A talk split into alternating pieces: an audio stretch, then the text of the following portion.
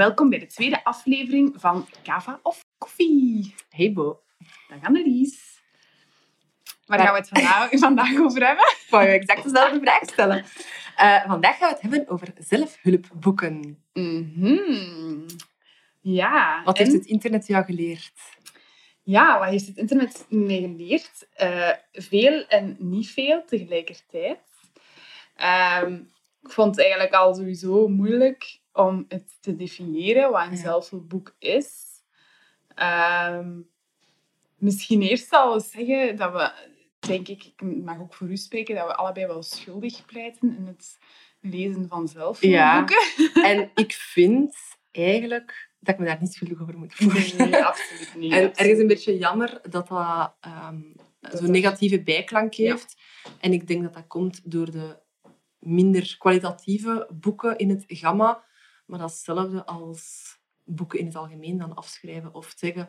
Series zijn stom, want er zijn keiveel slechte series. En Ja, inderdaad, dat klopt. Ja, ik, ik, vind ook, ik vind het ook inderdaad jammer. Altijd als je zegt van, ah ja, maar ik lees een zelfhulpboek, dan is dat zo van, wat? Oh my god, waarom? Dat brengt toch niks bij? Maar bon, we gaan het later dus in de aflevering er wel over Ja. hebben van, eh, van wat ons dat wel of al dan niet bijbrengt. Maar ik ben dus eigenlijk begonnen met te gaan zoeken naar de definitie van een zelfhulpboek. Omdat ik niet zo goed wist wat er nu wel of niet onder valt. Ja. Ehm, want je hebt zelfhulpboeken die echt gaan over ehm, hoe raak ik van mijn depressie af, bij wijze van spreken. Dat is misschien, ik weet niet of daar een boek over bestaat, maar bon. wellicht, wellicht. Ehm, en je hebt ook de zelfhulpboeken als in How to Become a Marketeer Ja, of ja. van die dingen. En ik vraag me dan af, zijn dat valt dat allebei onder de categorie zelfhulpboeken? Ehm, dus ehm, ik heb in de woordenboek, eh, de digitale woordenboek De woordenboek van het internet. ja, van het internet, eh, de definitie gevonden. En ehm, ze zeggen dus eigenlijk, een zelfhulpboek is een boek dat gebruikt wordt om problemen op te lossen of te verzachten zonder tussenkomst van anderen. Ah, Wel, want dat was ik ook toen ik aan mijn voorbereiding bezig was aan het noteren. Van, het is eigenlijk, waarom heeft dat zo'n negatieve bijklank, zelfhulpboek? Omdat het eigenlijk toegeven is dat je hulp nodig hebt. Ja. Zelfhulp en dus inderdaad het niet stappen naar een therapeut, Ja. maar het dan zelf, jezelf proberen fixen eigenlijk. Ja, inderdaad. En ehm, ja, dat, eh, toch wel een, er, er hangt ook een beetje een grote drempel. Allee, er is een grote drempel om, naar, om in therapie te Ja. gaan. En ehm, ja, ik denk gewoon dat heel veel mensen zoiets hebben van... Ah ja, maar misschien als ik dan dat boek lees, niemand ziet dat. eh, ik val niemand daarmee lastig. Dat ze daar dan wel iets mee kunnen, kunnen, kunnen doen. Ik had ook wel nog eh, een, ook een mooie benaming gevonden van het boek. Eh, dat is natuurlijk geen officiële definitie of zo, maar zo literatuur voor de zoekende mens vond ik wel Mhm. mooi. En ook een, een bibliotherapie. Ah ja, ik had ook nog gevonden... ehm, ik ben hier even aan het zoeken, ik ben er aan het overkijken, denk ik. Eh, persoonlijke ontwikkelingsboeken. Ja, ja. Dat vond ik ook een Inderdaad. betere term dan zelfhulp. zelfhulpboeken. Want uiteindelijk, als je echt de definitie dan gaat uitpuren, kom je wel tot de conclusie dat die boeken van How to Become Mhm. la la la er eigenlijk niet in horen. En dat het Ja. toch zich meer op het terrein van de psychologie en de therapie Ja. Zit. Als je, het- als ik het dan zo lees. Inderdaad, van die persoonlijke niet, eh, ontwikkeling als, meer als mens dan, dan als wat wordt mijn nieuwe job? Of Ja. welke hobby ga ik nu eens gaan aanleren? Het gaat niet zozeer om het ehm, leren van een nieuwe, eh, een, een nieuwe talent of een nieuw Ja. ah, talent, ja, een, een, een nieuw, nieuw ding. Eh, maar het gaat wel meer over uw persoonlijkheid Ja. en over uw persoonlijkheidsontwikkeling of zo. Maar ik vind bijvoorbeeld dat boeken, zoals eh, boeken over gezonde voeding, en dan bedoel ik niet kookboeken, alhoewel dat een kookboek misschien ook een zelfhulpboek is, want je helpt jezelf aan lekker Mhm. eten. Maar dat boeken echt dat de theorie van gezonde voeding bespreken, vind ik persoonlijk ook een soort van zelfhulpboek. Maar dan valt dan per definitie er eigenlijk niet onder.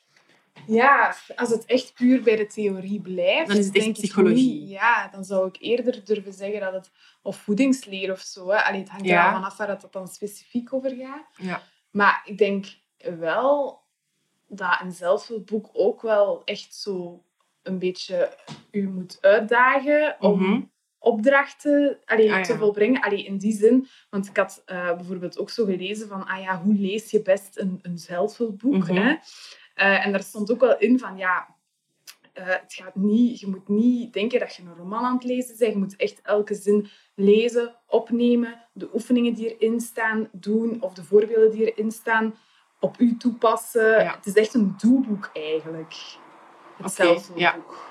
Maar in die, ik vind dat dan ook wel, als je dat zegt, dan vernauwt het het wel zeer hard. Dus ik, Ja, dan is elk boek bijvoorbeeld eh, hoe raak ik ehm, over mijn scheiding. Is dan op zich geen zelfhulpboek, want daar gaat misschien geen tien stappenplan in staan over hoe dat je over die scheiding moet geraken. Maar voor mij valt dat dan wel onder, onder een zelfhulp, Ja. ja. dat vind ik dus ook. Dus ja, ik vind dat, ik, ja, je, natuurlijk, je kunt daar niet een heel strikte definitie op plakken. Nee, want op zich over je scheiding geraken is ook niet echt persoonlijke ontwikkeling. Ik denk dat dat dan meer Nee, dat is waar. Maar je hebt ook zo bijvoorbeeld... boek voor Ja, je hebt toch ook zo bijvoorbeeld ehm, eh, een boek zo voor het, eh, hoe, hoe moet je als man leren, allee, Ja, leren ja. flirten of zo. Ehm, Dat is dan toch ook een zelfhulpboek? Maar daar staan misschien ook oefeningen in. ja, ja, dat is wel een stappenplan om, om vrouwen te versieren. Maar dat, is wel, dat gaat dan wel over het stappenplan van de auteur dat je volgt. Ja, en is die dan wel zo succesvol? Ja, inderdaad. Wat zijn die zijn eh, credits? Want ik had... ehm, ik luister naar een podcast, ehm, de Zelfhulpboekenclub, super toepasselijk, eh, voor deze aflevering. En ehm, het, is, het is twee Nederlandse mannen die ook echt eh, een beetje afkerig staan ten opzichte van zelfhulpboeken. En in elke aflevering bespreken ze een zelfhulpboek, dus ze dagen zichzelf uit om toch een zelfhulpboek te lezen. En er is één boek eh, wat ze bespreken, en ik weet de titel niet meer, maar het is wel zoiets Manhunt of zo, of Man's. Hunt, of ja, zoiets. En dat gaat dus effectief over hoe, dat ze, hoe dat mannen vrouwen moeten versieren. En het is super seksistisch en het is super cliché. En dan denk je ook maar van ja, werkt het. ja, ik heb mijn twijfels erover. Ik denk dat het boek uit, zich dateert uit de jaren tachtig of zo. Allee, zo lijkt het in ieder geval. Maar dus ja, is dat dan een zelfhulpboek? Ja. Het feit dat ze het bespreken in die podcast misschien wel. ja, misschien wel. Ze zullen toch ook wel de definitie hebben opgezocht, zeker voordat ze begonnen Voordat aan ze begonnen. podcast. Hopelijk. Maar ja, dus het komt er eigenlijk ook al op neer dat het eigenlijk een categorie is wat moeilijk te categoriseren valt. Ja, ja. En ik denk dat er gewoon ook heel veel boeken op de scheidingslijn liggen. Hè? Van, je kunt een boek over psychologie hebben, wat eigenlijk een C geen zelfhulpboek is, maar bijvoorbeeld waarin dat het laatste hoofdstuk dan weer wel gaat over ah, hoe pas je dit nu toe op, je- op jezelf. Maar in C, ja, dat zal dan een beetje flirten rond de twee categorieën. Ja.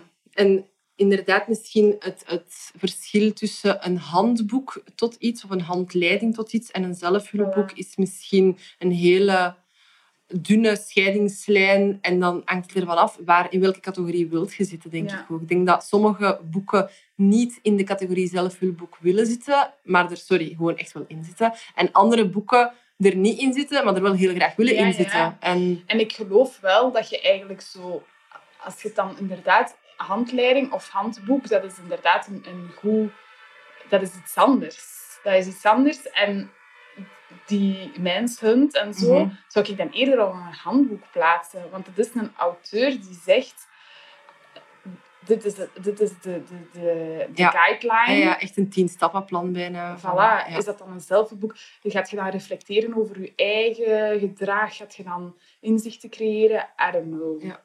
Maar bon, dus... Wat ik mij ook vooral afvroeg tijdens mijn ehm, voorbereiding, was waarom dat we daar zo tot aangetrokken zijn. Ja, En vooral, ik heb, als ik dan naar mezelf kijk, waarom ik heel vaak die boeken koop, is echt in de hoop dat ze mijn leven gaan veranderen. Ik heb zo'n een soort van idyllische illusie dat, oké, als ik dit boek ga gelezen hebben, oh my god, dan ga ik echt super structureel zijn of mega hard daarmee bezig zijn. Allee, zo, ja, ik hoop dan echt altijd van, maar dan ga ik echt een ander mens zijn. Ja. Als ik dat boek uit heb, en dat duurt dan gelijk zo vijf minuten en dan ben ik het kwijt. ja, het is natuurlijk ook wel... Allee, ik denk dat heel veel mensen het willen lezen, omdat het ook een soort van optimisme uitstraalt. Het Ja. straalt uit dat het leven maakbaar is, of Ja. dat je zelf maakbaar bent. En dat je dat dus kan... Dat je, dat, ja, dat je eigenlijk dat leven eigenlijk kan zo verkneven naar, naar hoe dat jij het Ja. En ik denk dat dat voor heel veel mensen een heel aanlokkelijk iets is. En ik denk ook dat... ehm, het, is, het zijn sowieso boeken die heel vaak in een heel gemakkelijke taal geschreven zijn. Ja. Heel toegankelijk voor... voor allee, in het Echt, lezen. Het zijn, het zijn kloeften dat je moet lezen. Ja. Ehm, en ook vaak over problemen gaan waarin daar gewoon een hele grote groep zich in herkent. Zo van, Ja. oh ja, dat, dat, dat heb ik ook. ja, dat probleem heb ik ook Ja. echt zo. Dus ik denk dat dat sowieso ergens wel een beetje zo aan... Ja, er zal toch wel zo ook een beetje marketing achter zitten. Allee, dat is in ieder geval het gevoel dat ik wel Ja. heb. Zo, Zeker in de keuze van de titels vaak. Hè, dat je inderdaad... Of zo de, de synopsis op de eh, achterflap. Is dat de synopsis? Ja. De korte inhoud op de achterflap. ja. Eh, dat je inderdaad in een aantal woorden te lezen echt zoiets hebt van... Ja, oké, Mhm. dit heb ik inderdaad nodig. Ja, en ik denk ook wel dat je gewoon heel goed naar de auteur moet kijken. Hè. Is dat een expert? Is dat een psycholoog? Ja, Psychiater? Therapeut? Allee, ja echt zo dat- zeg ja. Of is dat Jacques Lafont die over haar leven praat en daarbij eh, zo Ja. wijsheid wil brengen aan de mensen? Een tien-stappenplan hoe dat je goed zat moet spreken. Nee, maar ja, maar wat ik ook wel, dat vond ik misschien, dat vond ik eigenlijk ook wel een hele mooie benadering. Ehm, dus er is een schrijfster, eh Marianne Bauer, en die heeft een boek geschreven, een zelfhulpboek, namelijk Help mij. Waarin dat ze eigenlijk dus een jaar lang elke maand een ander zelfhulpboek Mhm. leest. En Oké. een jaar lang, lang eigenlijk leeft naar de regels van dat zelfhulpboek. En dan eigenlijk in haar eigen zelfhulpboek een beetje schrijft van... Ja, da- daarover die ervaring schrijft. Ik heb En het boek hoeveel- niet gelezen. Hoeveel boeken heeft zij gelezen? Oké, Twaalf. dus echt elke maand een Ja, ander. ja. Amai, cool. Ehm, ze heeft twaalf boeken gelezen. En allee, ik heb het boek zelf nog niet gelezen. Maar ehm, ik heb wel een interview met haar eh, gelezen. En daarin zegt ze eigenlijk van... eh, ze verklaart eigenlijk die populariteit...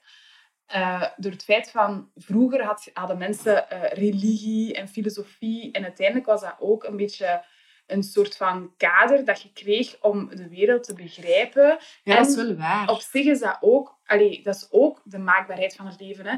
Als jij je goed gedraagt, dan gaat jij volgens God naar de hemel. Mhm. Hè, en dan gaat jij in het paradijs leven. En Ja, ja, de Bijbel is ook een soort van handleiding. Of Ja. is de Bijbel een zelfhulpboek. Ja, en, en zij zegt ook van, ja, we zijn dat kwijt. We, allee, we geloven het. Ik bedoel, het is nu eenmaal zo. Er zijn gewoon... Allee, heel, heel, het gedoe rond religie is een beetje weg uit onze cultuur. Eh, filosofie is ook... Want uiteindelijk, filosofie is ook een manier om de wereld te Mhm, begrijpen. ja, ja, om jezelf, ook je, je psyche te begrijpen. Om te begrijpen waarom dat mensen kwa, allee, slechte dingen doen en waarom dat ze goede dingen doen. Ja. En zij zegt van ja, wij hebben gewoon een houvast nodig. En vandaag, omdat we ook gewoon heel veel druk voelen van, vanuit de maatschappij, we willen de, ideaal, de maatschappelijk verantwoorde idealen nastreven. En ehm, zij zegt echt dat we zo door die druk grijpen naar zelfhulpboeken. En ergens kan ik me wel vinden Ja, in inderdaad. die, in die eh, Dus, ja, gedachten. zeker het concept van hou vast vind ik heel herkenbaar. Eh, omdat je soms... Allee, ik zeg nu niet dat ik mijn gebrek aan structuur zou terugvinden in een, in een religie. Maar gewoon de, de hou vast binnen je eigen leven. Dat je denkt van... Oh, ik weet niet hoe dat ik dit moet oplossen. Of ik weet niet hoe dat ik dit moet aanpakken. En dat je dan inderdaad denkt dat dat boek je hulp gaat bieden. Ja, en de herkenbaarheid, denk ik. Hè? Want, want ehm, ik kan me wel voorstellen zo, dat je, je, je, je leest, allee, of, of je denkt van jezelf van... Ah, ik heb soms toch... ehm, allee, ik weet niet, ja, ik heb soms toch wel, wel onzekerheid. Ik ben soms Ja. toch onzeker. En je leest dat dan in een boek en dat, dat, dat verklaart, dat, dat, dat geeft... Dat, dat, dat zegt van, ah, een mens voelt zich soms onzeker. En plots voelt je je zo van gerustgesteld. Van oké, ja, Ik ben niet alleen. ik ben niet alleen. En er bestaat een oplossing voor. En dat is uiteindelijk wat geloof ook doet. Hè. En Ja. geloof zegt ook van... Oh, je kan soms donkere gedachten hebben. Maar doe het niet, want... Hè. Ja, ja. Allee, dus op zich is dat zo wel... Ja, ik kan me Ja, wel echt Het is voorstellen... inderdaad een, een soort van moderne invulling van het zoeken naar betekenis of het zoeken naar vra- allee, het, het krijgen van antwoorden op bepaalde vragen Ja, die je inderdaad. hebt. Had jij nog iets gevonden over waarom dat we daar zo tot aangetrokken zijn? Nee, dat was het eigenlijk. Dan wil ik misschien mijn lijstje eens overlopen van de titels waartoe ik mij heb laten verleiden. maar waar ik ofwel in begonnen ben en nooit heb uitgelezen, of gewoon überhaupt nooit in begonnen ben. Ja. Ik heb ehm, voor de juistheid van de titels te kunnen weergeven, de boeken ook effectief boven gehaald. En er leg ik even op op sommige exemplaren. Ah Amai. Ehm, eentje is de verborgen impact. Ik weet niet of dat je het kent. Nee. En dat gaat... ehm, dus de ondertitel is Alles over ecopositief leven. Ah ja. En dat is iets dat ik... Wat zeg je? Dat is zo'n... Ja, een typische zo- is zo, hoe ga ik afvalvrij leven? en dan vraag je dat voor je kerstmis en dan krijg je dat. Oh my god, Jeske, dat boek gekregen. En we zijn nu eh, augustus en ik heb het nog altijd niet. Ik heb dat nog niet open gedaan. Ja. Dus eh, dat was er eentje. En waarom denk je dat je het nog niet hebt opengedaan? Geen idee. Ja, dan... Want kan dat ook niet gewoon zijn... Allee, dat dat bijvoorbeeld op dat moment mega hard speelde in je leven en dat je nu gewoon andere prioriteiten hebt en zo niet zozeer aan dat stuk of zo wilt werken. Dat Ja. is toch bijvoorbeeld hetzelfde. Ja, ik zeg niet dat ik het Dat- nooit ga open doen. Nee, hè. ja. Maar bijvoorbeeld, ehm, ik weet nog heel goed, toen, toen dat ik eh, pas uit elkaar was met, eh, met, mijn, met mijn ex dan, eh, had ik veel liefdesverdriet. En ik was dus toen, heb ik echt naar de winkel gegaan en heb ik twee boeken gekocht over de liefde. Mhm. En gewoon, ik weet dat niet, en dat heeft mij echt zo hard geholpen. Maar nu heb ik ook zoiets van, ja, als ik nu op dit moment dat boek zou lezen, ik Oké, zou dat niet... Maar je hebt het wel open gedaan toen. toen, omdat dat toen voor mij prominent aanwezig Tuurlijk, was in mijn ja. leven. Maar als ik het nu zou lezen, ik zou het ook direct wegleggen, omdat ik het niet kan. Ik kan het niet spiegelen aan mijn leven op dit Oké, moment. ja, ja, snap ik. Maar dus ik heb dat boek gevraagd voor kerstmis. Dus je had wel de intentie. Ik had de intentie om eraan te beginnen. En 25 december had ik... Ik had er zelfs niet in gebladerd op het moment dat ik het gekregen had. Sorry, mama. Maar ja, dat was is de zo... cover dan toch niet zo mooi als dat je verwacht had. Jawel, de, jawel, want ik had het al gezien in een boekenwinkel. En dacht, ah, dat is echt een boek dat ik graag wil. En dan krijg je de vraag, wat wil je voor kerstmis? En dan, zeg je, dan geef je zo dingen door, zoals boekenlijstjes. Ja, ik weet het niet zo goed dat dat komt dat ik dat dan niet heb opengedaan. Of dat ik er misschien een keer zo in effectief wel gewoon een keer gebladerd heb. En dat je dan denkt van... "Oeh, Heftig. Het is een heftig thema. Hè? En, en het is ook een thema dat het noemt verborgen impact. Het is een thema dat heel veel impact heeft, of zal hebben, op je leven. Ja, en Als je het dan toepassen. blootleggen Ja. die dat je eigenlijk Waar ik misschien, misschien nog altijd geen zin heb. heb omdat, eh, Voilà, en dat Ja. is het eigenlijk ook wel. Je moet echt wel, denk ik, als je een zelfhulpboek leest, echt zo toch een beetje met de intentie eraan zetten dat je ook wat moet werken. Ja, ja. Want dat is eigenlijk, volgens mij, wat heel veel mensen vergeten, is dat ze zo denken van, ik ga dat lezen en daarna is alles, alle problemen opgelost. Mhm. Maar allee, het zijn al veel boeken dat ik heb gelezen, daar staan effectief wel zo oefeningen in. Ja, ja, to-do's. Ja, ja, en dat je het dagelijks moet toepassen. En, Ja. dat, allee, en niemand kan dat. Hè. Allee, sorry, een persoon die nu aan het luisteren is en die dat wel kan. Je mocht mij altijd, je mocht mij altijd van het tegendeel bewijzen. Maar eh, de eerste maand, als je aan het lezen bent, Ja, zijn je zo nog mega zo, ja, Ja, best. Maar echt toepassen voor de rest van je leven. Er zijn hier en daar wel dingen wat je meepakt. Ja, dat je meepakt, sowieso. Nog eentje dat ik, ehm, dat ik wel in begonnen ben en pakt drie vierde gelezen heb, maar dan toch heb opgegeven. Time Management for Creative People. Ja. Ik denk dat dat... Allee, opnieuw, als er luisteraars zijn die, dat wel, eh, die wel zo zijn, laat het ons weten. Maar ik weet niet of dat time management en creative people überhaupt samen gaan. Van die echt super creatieve mensen, dat dan ook nog een keer massa's gestructureerd zijn en zo... Ja, ik weet dat niet. Nee, dat is waar. Maar ja, bon.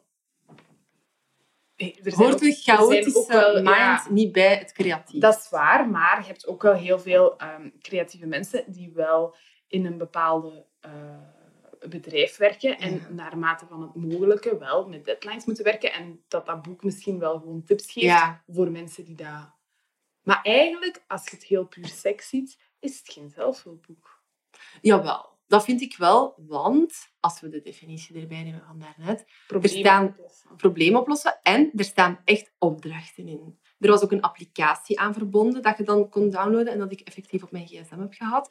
Ehm, En effectief met echt to-do'tjes in dat boek van probeer nu dit uit, probeer nu dat uit. Echt wel een soort... Ja, maar is dat een handleiding? Ik weet het niet. Handleiding of zelf een boek. Het is niet psychologisch, maar het is effectief wel... Het gaat wel je leven veranderen. En Ja. het zou mogelijk je leven moeten veranderen. Ik vind het wel persoonlijke ontwikkeling. Ja, En er staan echt taakjes in dat Ja. je moet volbrengen om dan effectief efficiënter te zijn. in je Ja. leven. Ja, oké. Dus, inderdaad. ja. Ja. Ik had er nog eentje, eh, de strategie van geluk. En dat is ook een waarvan ik dacht, De strategie van geluk. Ja. Amai, massa saai. Dat ik mij, maar ik, het komt, ik heb het niet, niet op basis van eh, voor- of achterflap. Het, was, het ging over dat boek in een radioprogramma. En ze waren daar zo lovend over. En de dingen dat ze, En ik ben er oprecht van overtuigd dat het een goed boek is. Van Wie is de Nou, dat ah, heb ja, ik niet niet op- dat heb ik opgeschreven. niet opgeschreven. Ik kan het opzoeken, maar het is een verschrikkelijk lelijke cover. Zoek jij het even op.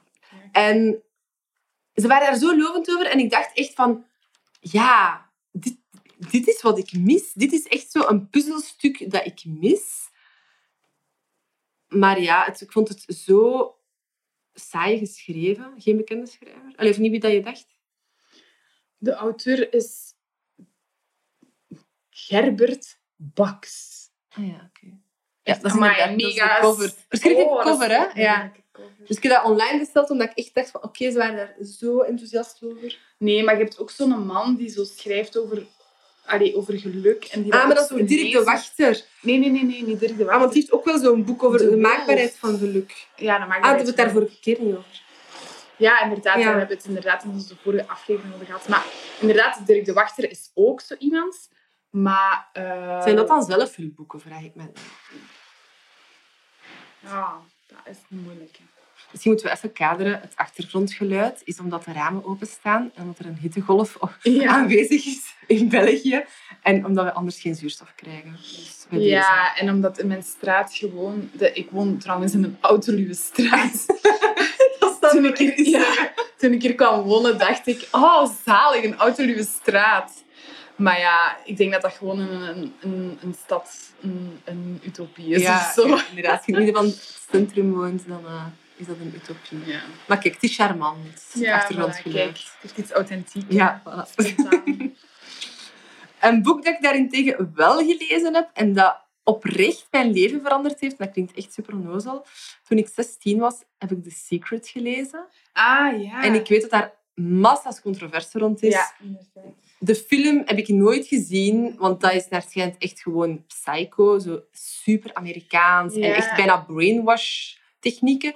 Maar het boek The Secret, ik moet wel toegeven, toen ik op de trein zat naar school, want ik was 16, en ik las dat, dan liet ik, dat zo'n cover, zo'n hardcover, maar met zo'n papieren flap rond, Ja. dan liet ik wel de papieren flap thuis, omdat ik niet wou dat mensen mensen zagen zagen dat je aan het dat ik, lezen de, ja, dat ik The Secret aan het lezen was. Maar eh, is het ook niet eh, in een fictief verhaal of zo? Nee, dus The Secret is eigenlijk puur... eh, dat is totaal geen fictie. Dat is, dat is puur een soort van bepaalde theorie. ehm, dat ze bespreken dat eigenlijk een soort van levensfilosofie over het concept is, als je positief denkt, krijg je positief terug. Ja, ja. Maar dat gaat zo ver in dat boek. Eh, maar ik denk inderdaad dat de film een fictief verhaal is, maar dat dat dan zo, hoe dat de secret geïmplementeerd wordt. Maar ik heb de film nooit gezien. Het boek, dat gaat zo ver dat ze zeggen, denk dat je de lotto gaat winnen, of denk dat je ooit met een. Porsche gaat rijden en je zal met een Porsche rijden. Op die manier heeft dat zeker mijn leven niet beïnvloed. ja, dat is zo visualiseren. ja, het, is, het gaat eigenlijk puur over visualisatie en affirmatie. En Wat dat is wel eigenlijk heel wel heel grappig is, want ehm, ik heb iets gevonden op het internet. Eh, en er zijn zo twee... Allee, er zijn onge- ongetwijfeld meer voorbeelden, maar dit zijn twee voorbeelden waarin dat je eigenlijk een eh, slecht zelfhulpboek kunt, kunt herkennen. Detecteren, ja. kunt detecteren. En dat is wanneer dat, eh, ze spreken over visualiseren Oké. eh, en dat de rest dan volgt. Eh, dat dat dus eigenlijk nergens op slaat. Dat, dat vind ik echt niet waar. Daar ben ik het totaal niet mee eens. Visualiseren, want in het huidige boek dat ik aan het lezen ben, een boek dat mijn leven gaat veranderen of aan het veranderen is. Ehm, ik ben zo'n mega believer. Hè. Maar gaat het, wer- werken ze ook rond visualisatie? En visualisatie, dat helpt om focus te houden, om te weten wat je doelen zijn. het is niet zo, en dat is wel een beetje wat The Secret pretendeert, visualiseren en het zal gebeuren. Voilà. Tuurlijk niet. Ik denk dat inderdaad, Ja. dat ze het vooral daarover hebben, hè, van optimisme, dat dat niet genoeg is. Nee, dat is zeker niet dat genoeg, niet- maar ook kracht nodig. Om, Door te visualiseren gaat je, denk ik, de kracht in jezelf vinden om echt daadkracht. Ja. En gaat je stappen zetten richting je, wat dat je aan het visualiseren bent. Stel dat je... Ik heb ooit met een, een ehm, business coach... Ik heb een traject gevolgd bij een business coach. En die eerste oefening in ons eerste gesprek was een visualisatie. Ik heb mijn ogen moeten sluiten en ze vroeg mij... Beeld jezelf in binnen vijf jaar en overloop je dag. Mhm. Van het moment dat je je ogen open doet tot het moment dat je je ogen terug toedoet. Mhm. En beschrijf mij gans die dag. En met mijn ogen toe heb ik dat gedaan. En daar kwamen dingen uit waarvan ik achteraf echt zei... en Dat was denk ik een goede vijf minuten of zo, die oefening. Waarvan ik achteraf echt zei van... Wow, ik wist zelfs niet dat ik dit wou. Dat, ik dit, dat dit mijn verlangen was over waar ik met mijn zaak naartoe zou gaan. En door dat te visualiseren, dat daarna te concretiseren, het zij in beelden zoals een moodboard, wat dat misschien voor sommige mensen te zweverig is, maar of in woorden te noteren in een soort van een brief of zo, allee, of een, een notitie naar jezelf, houd je die, die focus van dat is mijn doel. En zowel bewust als onbewust ben ik ervan overtuigd dat je stappen zet om dat doel te bereiken. Ja. Wat dat die visualisatie... zowel, dat gaat inderdaad meer over doelen, doelen noteren. En, en, want Ja, ik heb ook wel gelezen... Maar ook de inleving. Ja. En dat is mijn visualisatie, het inlevingsvermogen. Dat je bijna voelt dat je... Maar ik ben hier mega aan het pleidooi aan het voelen Ja. voor visualisatie. Ik ben gewoon mega Maar ik, heb ook wel, maar ik snap wel wat je, waar je naartoe wilt. Want ik heb ook gelezen over visualisatie. En daar spreken ze ook eh, in een aflevering in de Zelfhulpboekenclub. Ja. Spreken ze er ook over, omdat er dan een boek is waar dat het ook over gaat. Ehm, dat visualisatie ook je lichaam in een soort van state of mind brengt. Ja. Waarin dat je eigenlijk dat al bereikt hebt. Dus je lichaam voelt eigenlijk het verschil niet tussen eh, de droom, allee, om het even Ja, ja. zo te zeggen, de droom en de werkelijkheid. Ja. Maar doordat je je dat zodanig visualiseert, komt je lichaam wel een soort van geluksgevoel terecht, waardoor dat je jezelf ook superveel, eh, veel energieker gaat voelen, veel beter gaat voelen, veel actiever, veel daadkrachtiger, waar je het over hebt. Dus ik geloof inderdaad wel dat daar, eh, dat daar ergens, dat die theorieën ergens wel, wel, wel zin hebben. Maar natuurlijk niet... Het is niet door te denken, ik ga de lotto winnen. Als je niet speelt, ten eerste gaat je de lotto niet winnen. I've tried. Voilà. It's not happening. Maar als je... Het is niet door te denken, ik ga ooit in een villa wonen. Dat dat ook gaat gebeuren. Maar het is dat, inderdaad die techniek van visualisatie, dat echt letterlijk voelen, je zien binnenkomen, zien hoe dat je hoe dat je je voelt in dat huis, gaat je onbewust werken naar het kunnen betalen van dat huis. Ja, ja, Niet letterlijk naar dat huis, maar... Maar dat geloof ik inderdaad. Maar ik denk dat gewoon, en ik denk dat dat, we, dat, dat misschien wel een algemeenheid is, dat je over alle zelfhulpboeken kunt zeggen, is dat er ehm, dat, het, dat het gevaar erin zit dat je Ja, ja. het op een, op een te simplistische manier gaat Ja. interpreteren, Zeker. waardoor dat het niet de effect gaat hebben dat het eigenlijk zou moeten hebben. En ik denk dat daar dan een beetje zo wel wat probleem in zit. Ik snap ook wel niet... Ik snap ook wel dat bijvoorbeeld het, het, het concept visualiseren in heel veel zelfhulpboeken terechtkomt. Maar ik snap ook wel dat niet elk zelfhulpboek daarover moet gaan. En als jij Ja, daar ja. thuis zit en iemand, een auteur verwoordt dat daar dan in... Allee, Ja, eh, of het niet te goed uitlegt. Goed Inderdaad, uitlegt. zoals in The Secret. Nu, ik zeg, het is letterlijk 16 jaar geleden dat ik dat boek gelezen heb. Uh, ik heb het nooit opnieuw gelezen. Ik weet ook niet meer hoe uitgepuurd die techniek daarin in stond. ja, maar, ik je het herinner... zo goed kunt uitleggen. Nee, nee, maar dat is omdat ik in mijn huidige boek, Miracle Morning, gaat dat ook over die visualisatie. Ja. En daarom dat ik het zo goed kan uitleggen. Ehm, maar in The Secret herinner ik mij nog dat er stond: maak een moodboard met alles wat je wil. Kijk elke dag naar dat moodboard en het zal naar je toe komen. En ik had daar een herenhuis opgezet en een Chesterfield-zetel, want dat was toen ik 16 was de zetel wat ik wou hebben in mijn huis. Totaal niet meer mijn stijl. en dan keek ik daar elke ochtend naar en dan ging dat gebeuren. En dan denk, ik- als ik daar dan nu over nadenk, dan denk ik, nee, dat is niet wat visualisatie is. Ik voelde mij niet zitten in die zetel. Ik voelde niet hoe goed dat je zat of zo. En dat moet je wel doen. ja. Maar bon, het gaat hier over zelfhulpboeken en niet per se over visualisatie. Wat was nog een, eh, een eh, red flag voor de zelfhulpboeken? Eh, het idee dat zelfbevestiging je negatief zelfbeeld zal verhelpen. Dus vanaf dat je dat ziet staan in een boek. Dus en ze zeggen heel vaak van, bijvoorbeeld, ik ben onzeker. Ja. Dus ik lees een boek over onzekerheid. Ja. En daar staat dan in, je moet elke dag tegen jezelf zeggen hoe mooi je bent, hoe slim je bent, hoe eh, geweldig je bent. Hè? En dan ga je jezelf zekerder voelen. Dat is effectief Dat wel... is super grappig, want dat is dus ook wat ze in de secret... Ja, dat is die positieve affirmaties. Maar dus ook in Miracle Morning. Echt een aanrader. Ik ga dat hier nog keihard zeggen. Maar wat ze ook zeggen, positieve affirmaties. Door dat echt over jezelf dingen te zeggen, ehm, gaat je inderdaad opnieuw, zoals met de visualisatie, in een bepaalde state of mind geraken.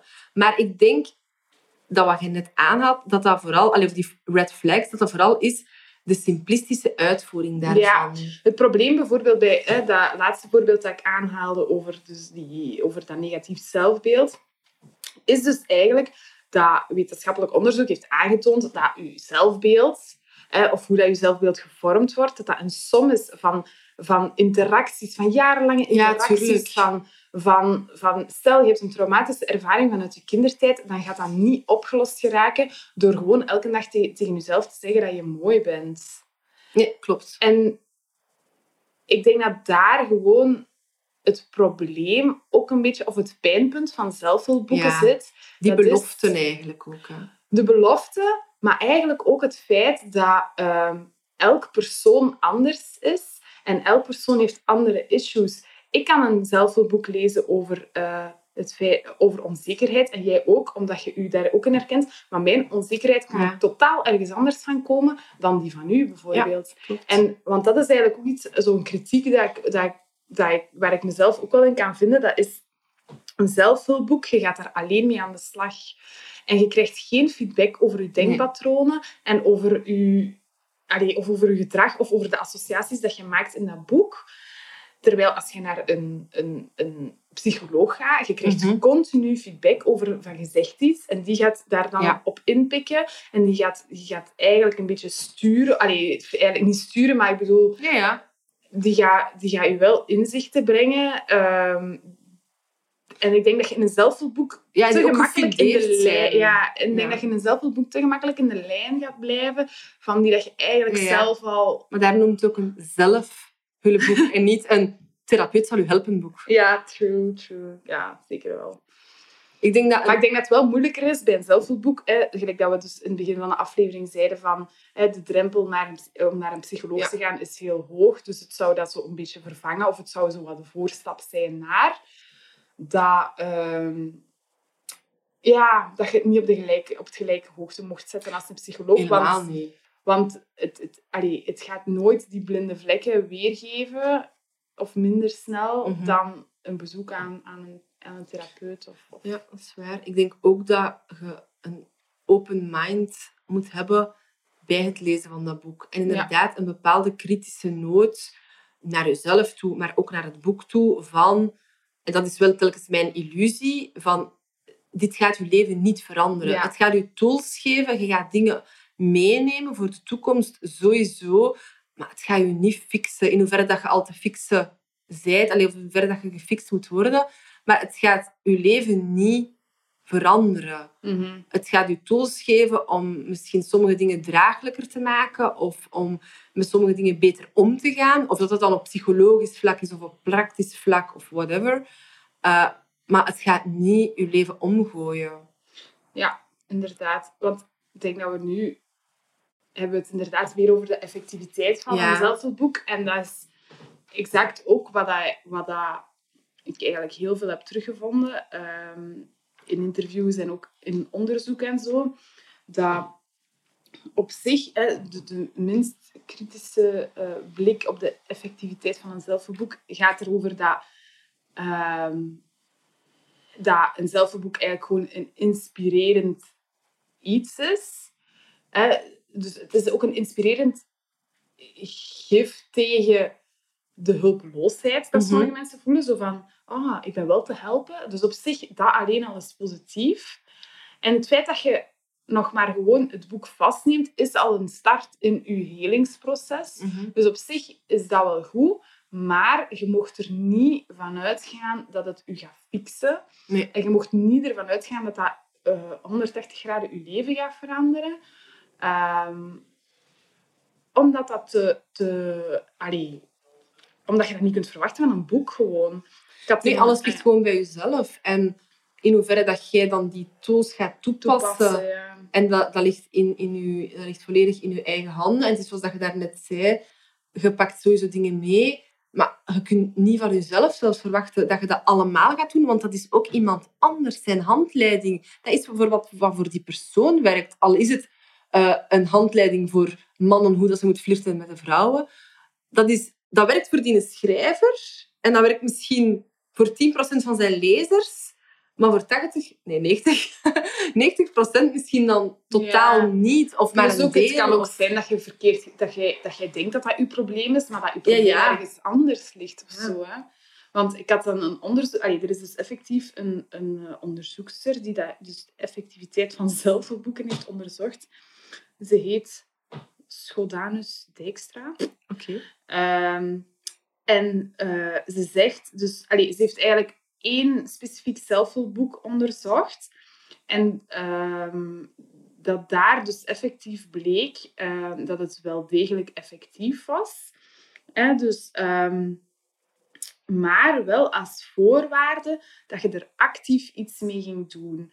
Ehm, dus in dit geval moesten de leger- lezers aan de slag gaan met oefeningen en kregen ze ook persoonlijke mailbegeleiding bij Amai. het boek. Zo intens voor de schrijver. Ja, en ehm, dus in die zin is dat wel effectief geweest door het grotere deel van de Mhm. participanten aan het onderzoek. Maar ze zegt tegelijkertijd ook in haar conclusie van... Hè, eh, je kunt er niet van uitgaan dat u, dat, dat, dat heel je leven eh, omkeert. Hè. Eh, je haalt er hoogstens inspiratie uit of wat inzichten. Maar als je echt wilt veranderen, ja, dan moet je er echt kei actief iets aan doen. Ja, ja, en dan gaat dat over een proces werken. van jaren. Ja.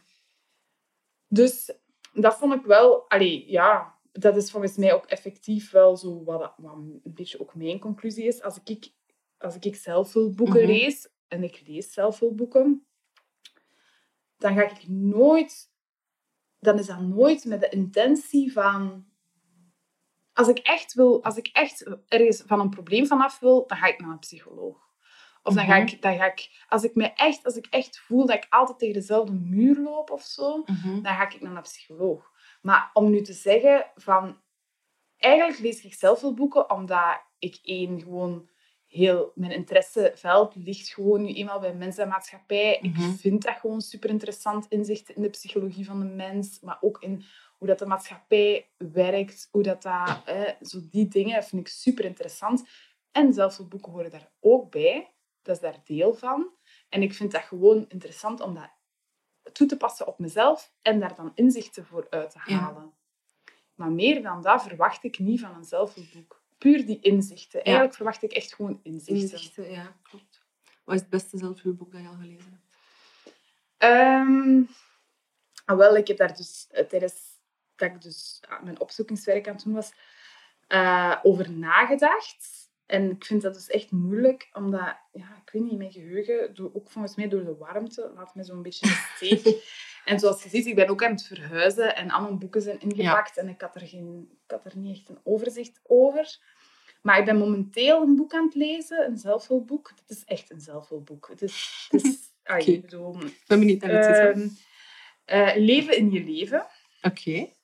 En, maar het is wel echt... ehm, het is best een heavy boek. Dus het gaat er eigenlijk over om te leren leven met uw valkuilen. Oké. Dus eh, elk mens heeft zijn valkuilen. Dat is niet eenmaal uw persoonlijkheid. Allee, valkuilen, dat is ook zo'n negatieve bena- Mhm. benaming.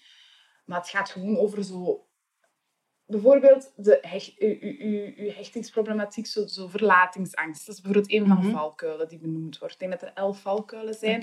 Verlatingsangst is een van de, van de valkuilen. En dan wordt er eigenlijk een hele uitleg gegeven over wat is verlatingsangst? Van waar komt dat vandaan? Je moet een vragenlijst invullen. Aan de hand van die vragenlijst weet jij of dat jij verlatingsangst hebt, ja dan nee. En dan een hele race aan oefeningen om daarmee om te gaan. En dat, dat pretendeert niet van... Dat zegt ook letterlijk van, je hebt verlatingsangst. Deal with it. Deal with it. Ja, inderdaad. Dat, komt door, dat komt door uw verleden. Dat komt misschien zelfs door... Het komt zelfs misschien niet eens van u, dat komt misschien van uw moeder, maar die dat Ja, door ja. u de- in de zwangerschap een beetje heeft doorgegeven. Allee, bon. Is dat in het Nederlands? Ah, ja. Ja, dat is ja, Nederlands. dat wil ik ook wel lezen hierna. Ja, maar het is wel confronterend. Het is echt confronterend. Ehm, en ik heb het nu ook even aan de kant gelegd. Dus het is wel zo... Een, het, is, het is totaal niet dik. En het is ook met heel veel oefeningsjes. Dus het is niet, het is niet van te zeggen, maar ik moet hier superveel lezen. Maar het is zo wel... Ja, confronterend heftig gewoon. ja, ja. inderdaad. En je wordt zo wel wat geconfronteerd. Misschien zelfs met valkuilen die dat je zelfs niet eens wist dat je had. Of zo, ehm, ja, zo voorbeelden die dat super herkenbaar zijn, zo dat. Ehm, dus dat vind ik wel een goed. Maar om nu te zeggen van dat is het beste boek dat ik gelezen heb, dat, vind ik, dat, dat weet ik zo niet goed. Ik heb wel, dus wat ik daar straks zei, toen ik eh, in- mijn liefdesverdriet zat, heb ik het ehm, boek eh, Liefdesbang gelezen. Mhm. Ik heb toen het boek Liefdesbang gelezen. Hou me vast. Maar Hou me vast is volgens mij meer een handboek. Dat is echt ook zo theoretisch over, over psychologie en zo. Dus dat zou ik nu niet echt aanhalen. En ik heb ook eh, zo van Rika Ponet, Ja. de bekende relatie-expert. Ik heb daar ook een boek van liggen thuis. Blijf bij me. Blijf bij me. Ah, ik heb dat ook. Ah, toen was het kunnen uitlenen aan elkaar. Wacht, hè, maar je hebt er, je hebt, hebt twee boeken geschreven. Het meest recente. Je Is dat niet met een blauw... Ja, is die blijft bij me. Ja, die heb ik toen gelezen. Ja. Maar het heeft nu ook een nieuw boek. Maar Ah, oké. ja. is rond intimiteit of zo. Die blijft bij me heb ik ook gekocht naar aanleiding van eh, dat zij te gast was op Radio 1. En dan dacht ik, oh my god, ik heb dat nodig. En ja, ook nog niet echt Ook niet verder. gelezen. Ja, wel, wel in begonnen, zeker en vast. En ook heel herkenbare dingen. Maar ehm, nog niet verder gegaan. Ja. Het is niet om te zeggen, toen ik het las... Ik denk dat ik die, die liefdesbang vond ik beter, Ja. omdat dat ietsje onderbouwder is. Dat is natuurlijk ook wel moeilijker om te lezen. Ik heb echt toen... Ik weet dat ik zelfs met mijn stilo en mijn latteke zo dingen moest onderstrepen, omdat ik het anders Ja. niet kon. Omdat het zowel nog wat moeilijker... Die blijft bij me is allee, super easy geschreven, dat is waar. Je kunt ja. dat gemakkelijk lezen. Allee, ik ga niet zeggen dat het, waar, waarover dat gaat, dat dat dan makkelijk is. Maar ja, ja, ja. terwijl zo, dus ik zou dan eigenlijk nu op dit moment zeggen liefdesbang. Oké. Maar ja, dat was ook weer contextgerelateerd. Ja, ja, die, zeker, dat ja. moment. En dat van u? Miracle Mornings? Miracle Morning, absoluut. Morning. Eh, ja, eigenlijk is het een S. Nee, Miracle Morning. Ehm, ja, zeker en vast. En ik ben er nog in bezig. En toch kan ik nu al zeggen dat dat het beste zelfhulpboek is dat ik ehm, ooit gelezen heb. Maar en kunt je een beetje vertellen waarom Ja, dat dus gaat? Een miracle, dus de schrijver eh, heeft voor zichzelf een Miracle Morning. De, het doel is eigenlijk, en het was eigenlijk omdat ik het op iemand zijn Instagram zag, die zei dat je met een zes-stappenplan door elke ochtend een soort van bepaalde ochtendroutine te creëren, dat je productiever kunt zijn. Hier gaan we weer, productiviteit, zeer belangrijk eh, voor mij. Ehm, productiever kunt zijn doorheen de rest van de dag. En die postte dat op Instagram en ik dacht, dat is iets voor mij. Ik heb dat gekocht in een e-reader. Ehm, ik ben normaal wel echt zo van de, de tastbare boeken, maar die in een e-reader, echt waar, changed my life. Ik vind dat zo gemakkelijk en je kunt daar ook in aanduiden. Dat slaagt dan allemaal op in een document. En je kunt dan eigenlijk echt je hoogtepunten dat je dan hebt aangeduid allemaal herlezen. Maar bon, daar gaat niet mijn boek over. Ehm, die zes stappen gaan eigenlijk... Dus het is een uur... De schrijver zegt, sta een uur vroeger op om aan jezelf te werken, om met jezelf bezig te zijn. En op die manier kun je daadkrachtig aan je dag beginnen. En dan heb je je stukje self-care eigenlijk achter de rug. En kun je je bezighouden met wat de dag je brengt. Mhm. Maar op zich is het totaal geen boek, want dat had ik wel een beetje verwacht. En dat is het niet, maar het is nog beter dan dat ik verwacht had. Het is niet van, hoe ga ik productief worden? Totaal niet. Maar ik merk wel, de dagen dat ik die Miracle Morning toepas, ben ik effectief... Heb ik meer zo ehm, mindspace of zo. Mhm. Heb ik meer energie, zowel mentaal als fysieke energie, om door de dag te komen. En ben ik s'avonds minder moe. Ik weet niet of ik effectief productiever ben, Ja, maar ik heb s'avonds minder het gevoel dat ik afgemat ben. Terwijl ik wel om 6 uur 30 Dat opsta. wel, want gaat het dan ook niet... Stel nu, je zegt van, morgen doe ik dat. Ja? Gaat je dan op, gaat je dan op tijd naar je bed? Nee, want hij zegt in zijn boek, dat maakt niet uit. Zelfs al heb ik drie uur slaap, Slaap heeft niet, heeft Nee. niet, is niet van belang. nee. Omdat je een vooruitzicht hebt, je kijkt uit naar je Miracle Morning, dus je kunt perfect op... Ik zeg niet dat je maar drie uur per nacht slaap moet hebben. Ik, ik denk dat ik toekom met zes à zeven uur. Ik heb zeker geen acht uur nodig om, om te functioneren. Ehm, dus ik ga meestal tussen 11 en 12 slapen en ik sta dan die dagen op om 6 uur 30. Ehm, en het is dus zes stappen. Je moet... Allee, je moet niks. Maar hij zegt dat je in je Miracle Morning elke stap 10 minuutjes moet doen. Mhm. En het eerste is stilte, dus eigenlijk een soort van korte meditatie doen. Maar dat kan ook een ademhalingstechniek zijn, niet echt mediteren, mediteren zijn, maar zo'n ademhalingstechniek, gewoon 10 minuutjes. Dan ehm kun je lezen. Even, dus dan lees ik in zijn boek verder, Mhm. wat ik nog moet doen. Eh, maar ik wil een volgend boek klaarstaan. Het is bijna uit. Eh, dan is het uh, Nee, wacht. Visualisatie. Hè, hier zijn we. De visualisering van... Ja, maar dat kan elke keer iets anders zijn. Dat kan zijn, hoe wil ik dat vandaag mijn dag eruit ziet. Maar ook naar de toekomst toe. Voor een huis wil ik wonen, enzovoort. Uh, affirmaties. Dus jezelf duizend keer in de spiegel zeggen dat je mooi bent. Uh, nee, die affirmaties dat gaat wel veel dieper. Maar zo, ja, dat is ja, meer dan dat. Dat is, uh, en dat is ook heel concreet. Dat is, niet, dat is nooit echt heel oppervlakkig van ik ben mooi. Maar zo, Mm -hmm. uh, dat is echt gewoon positieve dingen naar jezelf toe zeggen. Schrijven. Dus effectief een soort van dagboek, journaling bijhouden. Dat kan zijn over ik ben dankbaar om die en die dingen. Of ook, hij zegt, een to-do-lijst schrijven is voor mij ook schrijven. De dingen van u afschrijven. Of dat dan uw, uw emoties zijn, of wat je straks allemaal moet doen, dat is schrijven en dat is mindspace creëren. En ten, op het einde sporten. En dat is gewoon tien minuutjes een workout doen. En ja, dan stroomt de energie door je lijf. Mm. En ik echt, dat, dat, ik, ben er al, ik ben er al twee maanden nu mee bezig. En ik doe het zeker niet elke ochtend, alhoewel ik dat wel zou moeten doen volgens het boek dan. En binnenkort heb ik, zit ik nu zit ik in het hoofdstuk 30 Day Challenge. En dan denk ik, oh my god, 30 dagen vroeg opstaan. Ook in het weekend? Ja. Hij zegt dat we niet mogen uitmaken. Maar ja, bon. Hij zegt ook, je doet wat je wilt. Het is niet van, je moet, je moet, je moet. Nu doe ik het drie keer per week.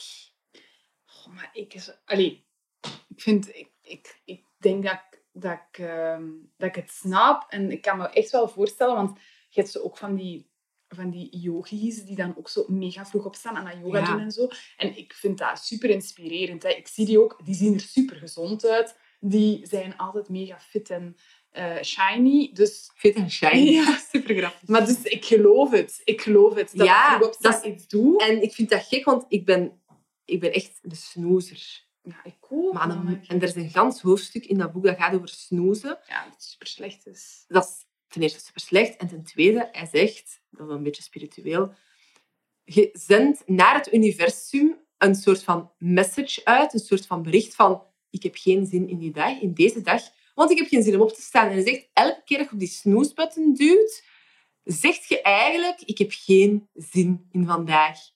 En ik snoes nog altijd, moet ik toegeven. Maar je denkt er wel aan. Elke keer als ik op die snoesbutton doe, denk ik... Jawel, universum, ik heb wel zin in vandaag. Gewoon nog niet nu. Ja. En elke keer denk ik eraan. Denk echt dat er een dag gaat komen dat ik niet meer ga snoezen. Maar, het is nog niet vandaag. Maar kunt jij... Kunt, dus stel, je wekker gaat om 6 uur, is dat dan? Of om 6 uur 30. 6 uur 30. Ehm, en, je, en die wekker gaat en je komt uit een mega diepe slaap, je bent mega moe. Heb je dan al eens gezegd van... Fuck Miracle Morning Nee. voor vandaag? Dan sta ik op om kwart voor zeven. Dan snoes ik twee keer, 18 Ah. minuutjes. En dan doe je het toch. Ja, ja, ja, dan doe ik het. toe. Deze morgen had ik echt geen zin. Het was echt zo warm. Ja. En ik heb mijn workout gedaan en echt het zweet droop over mijn lijf. Maar ik was wel fitter daarna. En ik had echt wel dat zoiets van... ik daarna een koude douche gepakt. En dat, dat geeft echt energie. En ik doe hem nu een beetje op mijn manier. Want het vorige hoofdstuk dat ik gelezen heb, gaat dan over hoe kun je hem eigenlijk naar je hand zetten. Want niet elke techniek kan voor u evenveel waarde hebben als voor mij. En nu doe ik stilte, lezen, workouts. Mhm. Dus ik doe even die, een ademhalingsoefening. Ik lees verder in zijn boek.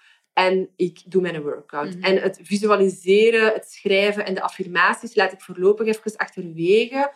Eh, omdat ik er denk ik nog niet genoeg over weet. Of nog niet genoeg weet hoe dat ik dat dan helemaal moet toepassen in, in dat concept. Eh, en ik doe het voorlopig even zo. En ik vind het wel leuk. Maar zijn theorie is van het snoezen.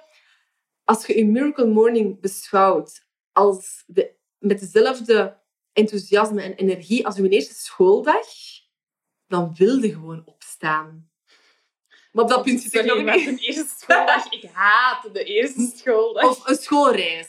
Maar, Uh, gaat hij schoolreizen? Naar een pretpark gaan? oké, ja, dan, ja, misschien wel. Ik weet niet. Ik Gaan ging zo gewoon niet zo graag naar school, dus ja, ik heb niet zo goede... Vakantie. Je vlucht moeten halen. Nee. Dat. Ja, maar... Ja, maar ik ben echt zo mega negatief. Ja, maar... Ja, maar... Nee, ja, ik weet niet. Het is gewoon... Ik, ik hou van slapen zo hard. En Ja, ik, ben ik echt, ik ben echt een avondmens. Hè. Ik, kan, ik kan zo moeilijk afscheid nemen van de, van de avond. Zo gaan slapen, dat duurt bij mij uren. Omdat ik dan zo... Ik Ja. wil zo niet gaan slapen. Omdat ik ook wel... Maar je houdt van slapen. Ja, maar het ding is dat ik... Dat ik, ik ben ook een hele moe- Ik kan heel moeilijk inslapen. Ja. En voor mensen die heel moeilijk kunnen inslapen, is in je bed liggen het meest frustrerende wat er is. Dus je rekt dat zo lang. Dus ik moet me Ja, echt al moe voelen om Het is te niet dat je slapen. FOMO hebt. Nee, nee, dat niet, dat niet. Nee, nee, want gelijk op een gewone door de weekse dag dat je s'avonds niks doet, Ja. kan ik nog super laat gaan slapen. Gewoon omdat je niet... Je wilt niet in dat bed zo rusteloos... Nee, niet rusteloos. eh onrustig Ja, ja. ja, ja. Ehm, maar... ehm ja, s'morgens, ik ben geen mens. Maar misschien moet je dan geen ochtendritueel doen, maar een soort van avondritueel. Ja, maar om dat doe ik beter in je bed te geraken.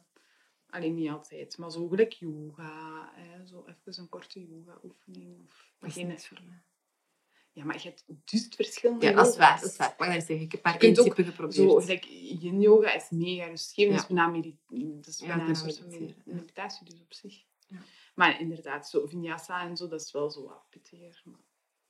Ja, dus inderdaad. Maar dat zijn zo inderdaad van die dingen. Als je dan dat boek leest, dan zijn ze zo mega enthousiast. Maar jongen, die eerste week, elke ochtend om 6.30 uur opstaan. De mat was echt zo om 8 uur of zo uit de kamer komt en zo... Hij heeft je Miracle Morning gedaan. En nu is dat ja, drie keer per week. En Mm. ja, ik denk dat ik nu er twee maanden over bezig ben.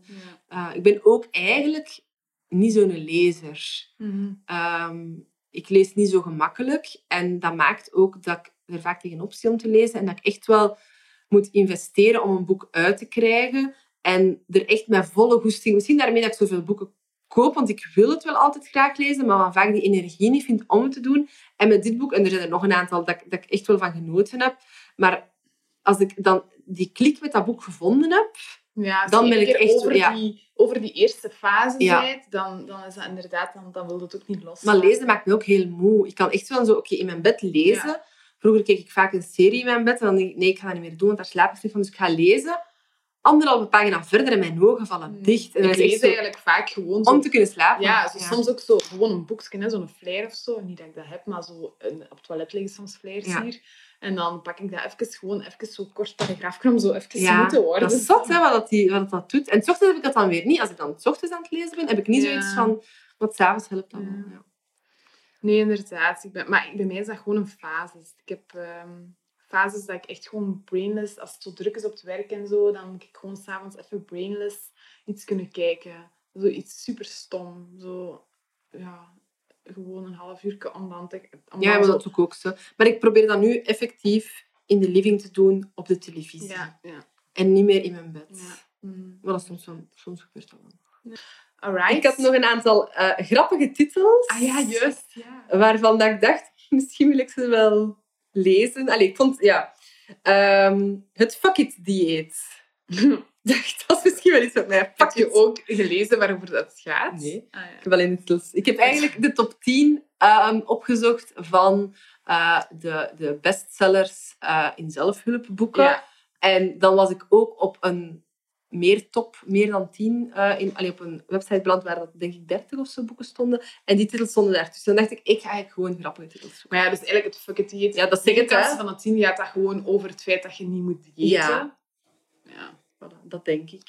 oké. En als, de, als dat het niet is, dan is het een super sexy titel. Ja. Want anders is het zeer misleidend. Het fuck it dieet, misschien gaat dat over dat je Oh, ja. seks mocht hebben. Diëten, Nee, of afvallen door, door seks te hebben. Oh my god. Ik heb daar nooit over nagedacht. Heb. Misschien, voilà, een van de twee is het. En als het dan is, slechtste titel. Ehm, een, een wel al bekender boek. Nice Girls Don't Get the Corner Office. Ja. En dat weet ik wel waarover dat gaat. hè. Ja. Eh, You don't have to play nice, want anders kom je gewoon nergens. Ja. Eh, dat, ja, voilà. Nooit gelezen, hè? maar Nee, ik ook niet, maar het spreekt me eigenlijk wel aan. Ja.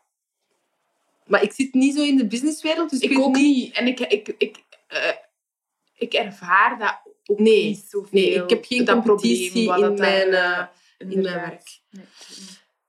Wat ik ook een toffe titel vond, Hoe overleef ik moeilijke mensen? Amai, dat is iets voor mij. ik vond dat ook echt... Oh my god, ik ga dat morgen bestellen. De titel zegt het, dat is echt wat ik nodig heb. Ik heb zo echt soms zo moeilijk met moeilijke mensen. Oh, maar ik, ik heb het gevoel alsof dat ik moeilijke mensen aantrek. Oh ja. De ene gaat weg en plots is er weer iemand nieuw waar dat ik mij aan irriteer. Ja. Maar Dus eigenlijk voilà. zegt dat superveel, want als je daar iets op Eigenlijk is dat meer over onszelf. Ja, dat zegt meer over je eigen. Dat weet ik niet. Dat- tot dat inzicht wil ik niet komen. Dat aan mij ligt. Maar je hebt wel echt gewoon echt super moeilijke mensen. Sorry. Tuurlijk, maar blijkbaar allee, bon, hè, eh, is het ook wel zo dat hetgeen wat je het hardste irriteert... Allee, of dat wordt gezegd, ik is dat triggert? iets wat je triggert, Ja. is eigenlijk je spiegel. Dus dat is eigenlijk iets wat, dat, wat je zelf ook heel hard hebt. Of het Ehm, niet. Ja, ik, Ik- ja, of het niet. ik vind dat soms ook... Het kan ook iets triggeren.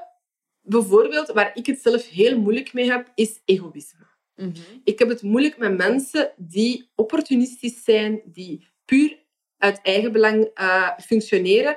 Zit je nu zo aan misschien? Zeg! Ja. Meent je Nee, nee, dat was een Oké. spiegel, hè. Dat was een Nee, wel.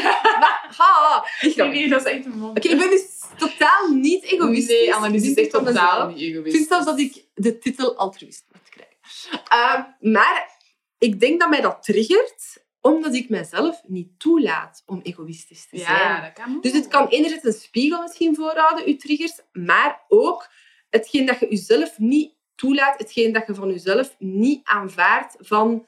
Want dit doe ik net zelf niet, dus jij mag dat ook niet doen. Dat. Ja, dat heb ik ook wel heel vaak. Dat ik zoiets heb van... Maar ik zeg tegen me, ik wil zo niet leven, omdat dat dan zo mijn filosofie is of zo. En iemand anders die dat dan wel Ja. doet, wil je zo op zijn plaats zetten. Ja, dan denk ik van, drang ja, van... Ik mag zo niet zijn van mezelf, Ja, dus jij mag ook zo niet zijn van mezelf. En ik denk dat dat boek mij gaat leren hoe dat ik andere mensen moet veranderen. Nee. nee, ik weet het niet. Maar ik vond het een coole titel en Ja, ik denk dat een ik het beetje ooit peaceful. Dat- Dat zou echt heel veel rust brengen in mijn leven. Dat ik gewoon iedereen een keer af kan. ik, even ter verduidelijking, ik haat nu ook niet zoveel mensen. Nee, en ik vind eigenlijk wel dat jij super easygoing bent. Dat je wel echt gemakkelijk bent om om te gaan. Ja, maar als ene keer in de Ja, irritatiezone zit, dan is het ver overschreden. Dat is waar. ik ben blij dat ik nog niet in die zone beland ben. Ja, wie weet. Nee, nee. En dan de laatste titel, dat ik wel super funny vond, maar dat eigenlijk heel deze podcast teniet doet. Nooit meer een zelfhulpboek. Ja, daar heb ik inderdaad ook iets... eh, Daar had je ook iets over gevonden. Ja, ja. Ehm, ja, Opnieuw, ik heb niet gelezen waarover het op gaat. zich, wel een, op zich wel een interessant boek, hoor. Eh, omdat je hebt nu ook zo... Allee, een super populair boek, The Art of Not Giving a Fuck. Ja, Dat ja. staat, heeft ook heel lang op één of zo gestaan, of Ja. toch in de top 10. Ehm, en dat is zo een beetje hetzelfde. Dus dat gaat ook zo een beetje over het feit dat je... ehm, gewoon leer gewoon dealen met je problemen. Allee, dus niemand is perfect. En leer omgaan met je tekortkomingen en met je tegenslagen in het leven. En ehm, ja, eigenlijk gaat dat gewoon over het feit... En dat zijn, dus, dat zijn mensen die een beetje kritiek hebben op de zelfhulpboeken, die zo zeggen van, uw leven is maakbaar. Wat we Ja, eigenlijk ja. in het begin zeiden, van waarom dat, dat zo populair is, omdat wij gewoon geloven van, ah ja, maar dat betekent dat we ons leven kunnen veranderen. En zij, dus die mensen, die schrijfster van eh, Nooit meer een zelfhulpboek en eh The Art of Not Giving a Fuck, die hebben zoiets van, stop met daarin te geloven. Het leven is niet maakbaar. Het leven heeft ook ehm, shitty, a shitty side. Ja. Dan, Dark Side of ja. the Moon. En eigenlijk, dat is wel wel een mooi verhaal. Dus die schrijfster ehm, van Nooit meer een zelfhulpboek is eigenlijk ook een journaliste en een psychologe. En die schrijft ook superveel over happiness. En eh, dat is even terzij eh, informatie. Voor dat magazine bedoelde toch? Hè? Ja, ja, ja. En ehm, die, op een bepaald moment krijgt hij... De- waar gebeurt, hè? Dus eh, op een bepaald moment krijgt hij een hersenbloeding. Eh, moet hij heel veel dingen opnieuw leren of zo. Ehm, en die heeft, daarna wordt ook nog eens eh, ondervonden dat hij epilepsie heeft. En die heeft zoiets van, fuck de wereld. What the fuck, ik heb mij heel mijn leven goed gedragen. En ik krijg nu een hersenbloeding en epilepsie. En En dat is die van van Nooit meer een zelfhulpboek? Nooit meer een zelfhulpboek. Ah, ja. En eh, die komt eigenlijk tot de constatatie, waar dat ze daarvoor eigenlijk ook geloofde in zo de psychologie en, en zo de, de, een beetje de maakbaarheid en, en, en het idee van zelfhulpboeken. Je komt op dat moment tot de constatatie van het leven is niet maakbaar. En de opdracht van het leven is dat we gewoon moeten dealen met onze shit. En dat je het gewoon moet slikken. En dat je gewoon moet verder gaan. Einde verhaal. En dat er geen... Allee, dus... ehm, ja... Dat je niet allee, op zoek moet gaan naar, naar dat echt geluk. Want dat, dat daar geen recept voor is. En daarvan komt dan die titel van Nooit meer een zelfhulpboek. Van, van, van, dat is een beetje een kritiek op, op het feit dat het, dat het leven maakbaar is. Ik denk ook dat het probleem is bij heel veel mensen dat ze denken dat gelukkig zijn een eindbestemming is. Mhm. Ik moet gelukkig worden. Nee, dat is echt een state of mind onderweg in het leven. Ja. En dat is, ja, dat is een soort van ehm tooltje in je rugzak. Geluk zijn is een, een even harde tool als zelfzeker zijn, als... Ja, En ook, we wat moeten- is geluk? Misschien moeten we ook leren... ook super relatief. Ja, we moeten ook leren om geluk te voelen. Ik denk Ja. dat mensen niet weten En hoe niet- dat geluk ja. voelt. Je moet dat niet worden, je moet dat... Ja, Maar het enige wat ik dan wel zo'n beetje ehm, kritiek heb op dat soort Mhm. boeken van, die dan zeggen van nooit meer een zelfhulpboek, is, ik vind niet dat je zo'n tegenslag als een epilepsie en een hersenbloeding kunt vergelijken met iemand... dus is verdriet of zo. Ja, Ja, ja. liefdesverdriet of, of, of, of ehm, gewoon een beetje zekerder willen voelen. Hè, zo Ja, nee, ah, dat is juist. Onzeker. Allee, want het is niet... Ja, het is nogmaals, we hebben het al zo vaak gezegd, hè, van het is niet omdat je dat leest dat je effectief denkt dat je, denkt dat je dan zekerder gaat worden, maar het is dan gewoon die... die Die kleine tools dat je kleine meeneemt. tools dat je meeneemt, inderdaad. En ik vind dat het dan nog een verschil is tussen, tussen, allee, ja, tussen dat soort zelfhulpboeken en dan waar, dat zij, waar dat zij het dan eigenlijk over heeft of zo. Denk ik. Ja, ja, klopt. Maar ik denk dat de, de waarheid inderdaad in het, in het midden ligt. Ehm, af en toe een zelfhulpboek. Niet altijd, niet nooit meer. Met mate. Met Gewoon. Overdrijf niet, Ja. jongens. Het Moet kan tot niet- verslavingen leiden. Moet niet zoals die schrijfster daarnet aanhaalde. Elke maand een zelfhulpboek lezen. Maar eentje of tweetjes per jaar is een goede dosering. Dat is mijn voorschrift. Voilà. ja. En eigenlijk, nu dat je terug over die schrijfster begint, Ja. ik heb eh, het nog niet gehad over haar conclusie dan uiteindelijk. Ah ja, van haar twaalf boeken. Ja. Eh, omdat het dan ook wel een beetje... eh, Dus wat, wat vindt zij als expert van de zelfhulpboeken? Wat vindt zij nu Ja. van zelfhulpboeken? En zijn zelfhulpboeken effectief? Dus dat is ook wel de vraag die gesteld werd aan haar. En ze zei van, ja... ehm, Ik weet het niet. Nee. ehm, ik, zal haar, ik zal misschien gewoon even voorlezen wat ze dus zegt van... Ik wilde slank zijn, rijk, een geweldige kleerkast hebben. Eh, na dit jaar is het allemaal niet verbeterd. Maar ik ac- accepteer mezelf nu veel meer. Ik ben veel meer ontspannen en minder streng voor mezelf. Als ik voorheen een eh, kamer inliep, keek ik gelijk wie er, buiten, eh, allee, wie er be- beter uitzag dan ik, of wie er succesvoller was. En dat doe ik nu niet meer. En dat bespaart me zoveel energie. Oké. Ik vind dat eigenlijk een mooie conclusie. Ja. Want dat valt eigenlijk wel een beetje samen wat we eigenlijk ook al gezegd Ja. hebben. Ehm, dat, het, dat, dat het Een soort Ja, van aanvaarding. een aanvaarding, want eigenlijk mensen kunnen niet veranderen. Je kunt, ja, Ja, ja. Nee, nee. In C zijt je gewired. Hoe dat je gewired zijt. Gewired. Zijt. En je kunt je, je essentie niet veranderen. Je kunt, ja... wel een bepaalde dingen toepassen in je leven. toepassen. Ja, maar dat is inderdaad een eh, mooie conclusie. Dat je een soort van aanvaarding krijgt ehm, met het leven, met wie dat je bent. En dat je de, de dingen die je denkt dat je meerwaarde gaan geven, effectief ook toepast. Ja. Maar daarom niet zeven dagen op zeven om zes uur dertig opstaan. Drie keer is voldoende. Bijvoorbeeld. Bijvoorbeeld, inderdaad. Ja, dus... ehm, Voilà. Ik vind dat eigenlijk wel een mooie conclusie. Ja, ik ook. Ehm, alle mensen moeten haar boek... Hoe noemt haar boek? Hoe heet haar boek? eh, help mij. Ah ja, oké. Van Marianne Power. Ja. Ja, het zou een Engelstalige ja, zijn. ik weet het eigenlijk niet. Ik dacht dat... Ja. Ik weet het niet. Anyway. Eh, anyway, ik heb het boek zelf ook nog niet gelezen. Maar we hebben wel de samenvatting gelezen. Maar, en ook het interview met haar. Ah, ja, ik vond het wel een inspirerende eh, vrouw. Ehm, Heb je nog tips? Nee, niet per se. Oké. This is it. Ik zou zeggen, Eh, weg met al die vooroordelen over ja, vind ik ook. Eh, als ik nog eens een keer... Weg met eh, de schroom. Ja, weg met de schroom. Kom gewoon uit voor het feit dat je zelfboeken leest. Het is een geaardheid. Wij lachen jou niet uit en we hopen dat we deze positieve vibe kunnen verder Ja. zetten. En dat niemand meer wordt uitgelachen met het feit dat hij zelfboeken Ja. leest. Maar geluk is niet maakbaar. Niet te veel van verwachten, hè, jongens. Voilà, op deze positieve noot zullen we eindigen. Alright. Tot de volgende Tot de keer. volgende keer. Salut.